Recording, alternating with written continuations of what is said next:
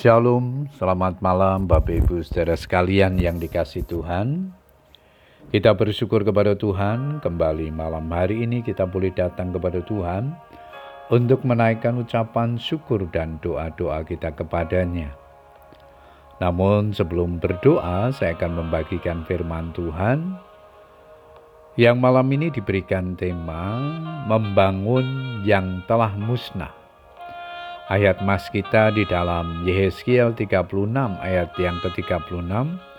Firman Tuhan berkata demikian, dan bangsa-bangsa yang tertinggal yang ada di sekitarmu akan mengetahui bahwa akulah Tuhan yang membangun kembali yang sudah musnah dan menanami kembali yang sudah tandus.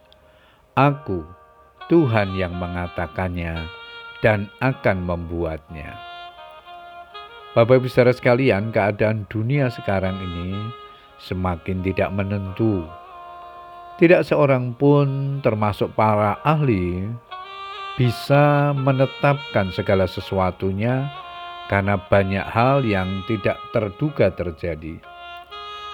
Jika demikian, apa yang bisa dibanggakan dalam hidup seseorang selain harus bergantung penuh kepada Tuhan?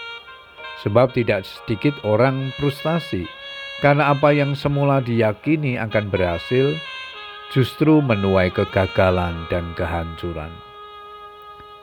Secara akal apa yang sudah hancur tentu tidak mungkin bisa dipulihkan kembali.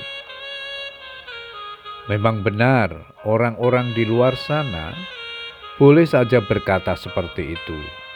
Tetapi sebagai orang percaya tidak seharusnya kita bersikap demikian sebab kita selalu memiliki harapan di dalam Tuhan.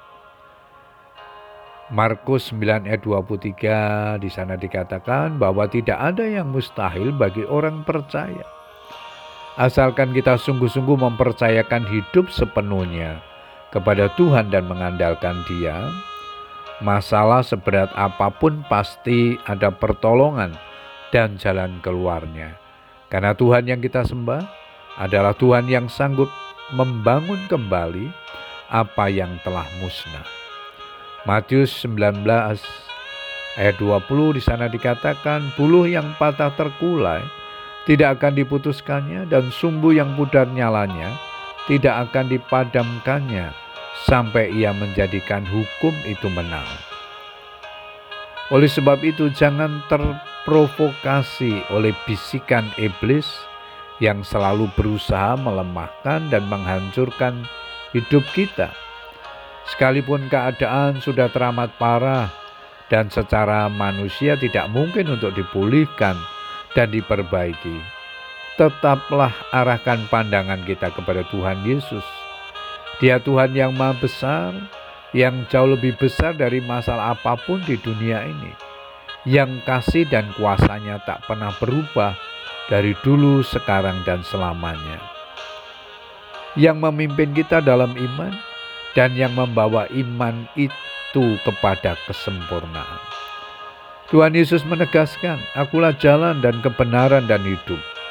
Karena itu, jangan sekali-kali mencari jalan atau pertolongan di luar Dia Tuhan Yesus lebih dari cukup bagi kita. Sebab sekalipun kita jatuh, tidaklah sampai tergeletak, sebab tangan Tuhan yang menopangnya. Bapak Ibu saudara sekalian, tidak ada yang terlalu sukar bagi Tuhan untuk mengubah keadaan daripada orang benar.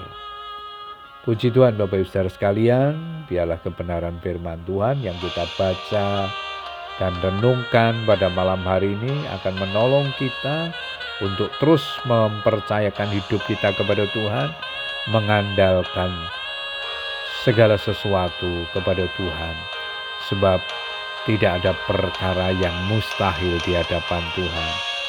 Tetaplah percaya, tetaplah berharap kepadanya. Selamat berdoa, Tuhan Yesus memberkati. Amen.